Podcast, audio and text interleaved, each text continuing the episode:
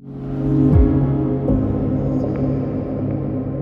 Zwykle z dużą radością i ogromną pewnością siebie witaliśmy się ze studia w Londynie i ze studia w Warszawie w nowej serii English Pro, ale śmierć brytyjskiej królowej sprawiła, że pomyśleliśmy sobie nad krótką serią mini audycji, która dotyczy poczucia humoru brytyjskiej królowej Elżbiety II, zaskakujących słów, których używała, żeby pokazywać dezaprobatę, języka torebek, których używała, a także bardzo inspirujących, wspierających, zachęcających do działania komunikatów których używała w momentach ważnych w dziejach jej narodu, chcielibyśmy podejść do tego zupełnie inaczej. Trochę w innym tonie, trochę z innym klimatem. Wierzę, że wybaczycie nam, że języka angielskiego będzie tu mniej, ale kilka naprawdę doskonałych cytatów z brytyjskiej królowej w wydaniu Magdy, na żywo prawie że z Londynu, za chwilę padnie.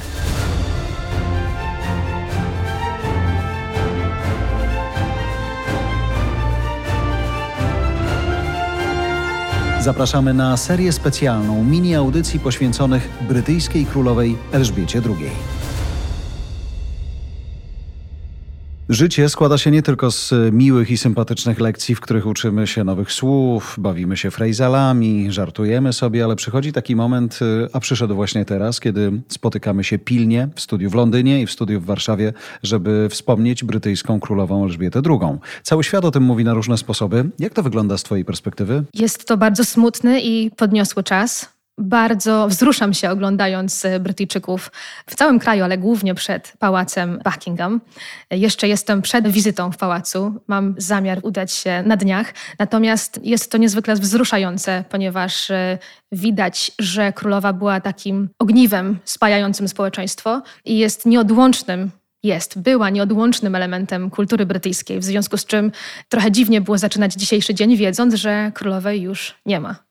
No, myślę, że to długo, to niezmienianie czasu teraźniejszego na przeszły będzie ze wszystkimi. Zastanawiałem się tylko, wiedząc też, że różnie patrzono na całą monarchię, na, nawet nie chodzi pewnie o koszty jej utrzymania, ale w ogóle sens istnienia, a tu się nagle okazuje, że tłumy potrafią przyjść przed pałac Buckingham i szczerze zaśpiewać God Save the Queen, wzruszyć się też dosłownie.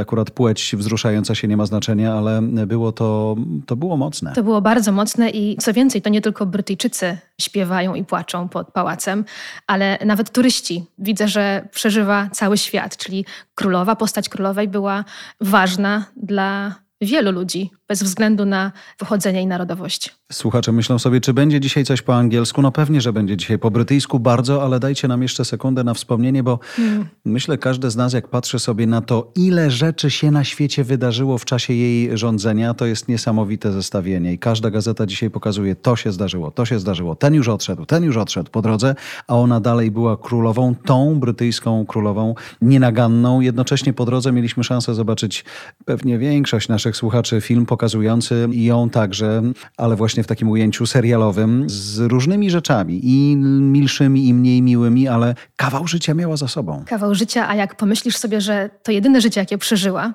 to zobacz, jakie wielkie poświęcenie dla swojego państwa, dla narodu.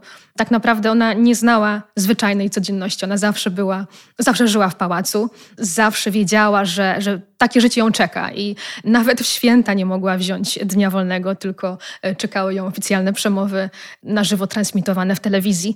I jak sobie o tym pomyślę, to tym większy mam do niej szacunek, ponieważ poświęciła całe swoje życie. Dobrze liczę, że miała 26 lat, tak? Kiedy, kiedy zaczęła być brytyjską królową. Yy, tak, 26. E, I 70 lat później na, na tronie. Tak. Niesamowite.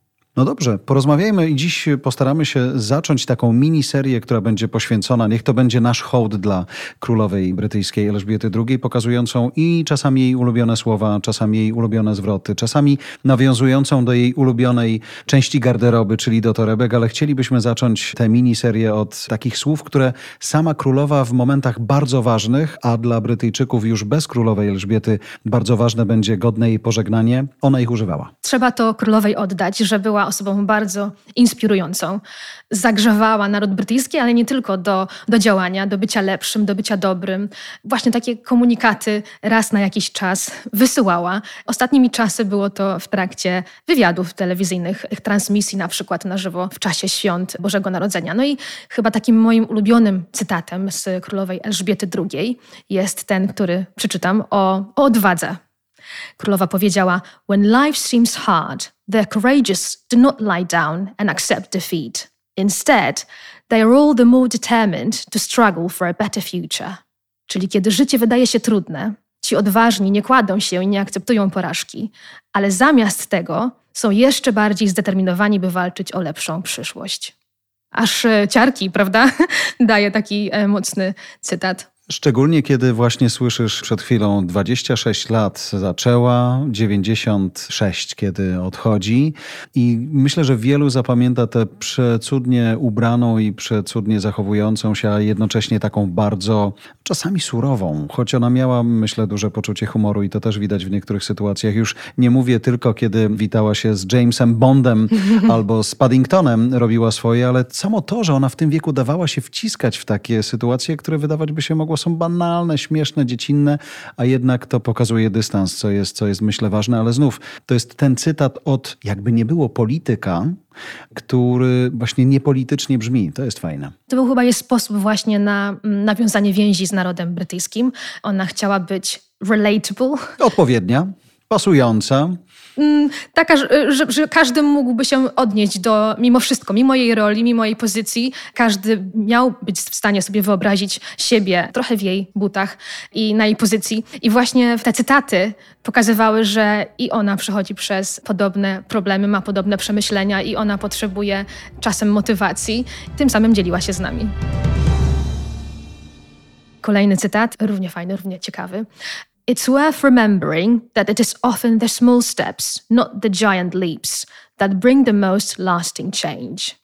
Czyli warto pamiętać, że często to te małe kroki i wcale nie wielkie skoki przynoszą tę najtrwalszą zmianę. Mhm. Co jest, myślę, fajne dzisiaj patrzeć na to i słuchać tego z takiej perspektywy wiedzy, że to była bardzo dojrzała kobieta, znająca mnóstwo przecudownych po drodze ludzi, z których pewnie czerpała tyle, żeby móc czasem prostym zdaniem zamykać świat. Po drodze zresztą i u niej w rodzinie, i u niej na dworze działy się rzeczy, których pewnie wstydziła się nieraz, nie zawsze mogła o tym mówić często bardzo bolesne, a dziś tak naprawdę, jak rozmawialiśmy z Magną, ten żal, ten smutek dotyka tych, którzy myślą sobie, co byśmy nie myśleli po drodze, to przykro i smutno. Miała jakiś pomysł na to, jak żegnać ludzi, na których jej zależało? Miała. Powiedziała takie zdanie: Grief is the price we pay for love które jest bardzo adekwatne do dzisiejszej sytuacji, czyli smutek to cena, jaką płacimy za miłość. W tym wypadku oczywiście za utratę kochanej przez naród brytyjski osoby. Co chyba nawet nie jest przesadzone w jej przypadku, prawda? Wielu było szczerze zakochanych w ważnej osobie, albo w znanej osobie, albo w osobie, o której nie wyobrażają sobie, że jej kiedyś nie było. No bo tak naprawdę spójrzmy na jej wiek i ona zawsze była, pra prawda? to prawda. I rzeczywiście Brytyjczycy, ci z którymi zamieniłam kilka słów, traktowali ją jak część rodziny. To taka mhm. dodatkowa babcia w brytyjskiej rodzinie dla moich rówieśników. No i właśnie nagle jej zabrakło i, i mamy nowego króla, więc sytuacja jest zdecydowanie dziwna nowa. Musimy się przyzwyczaić do niej. Grief is the price we pay for love. Ładne.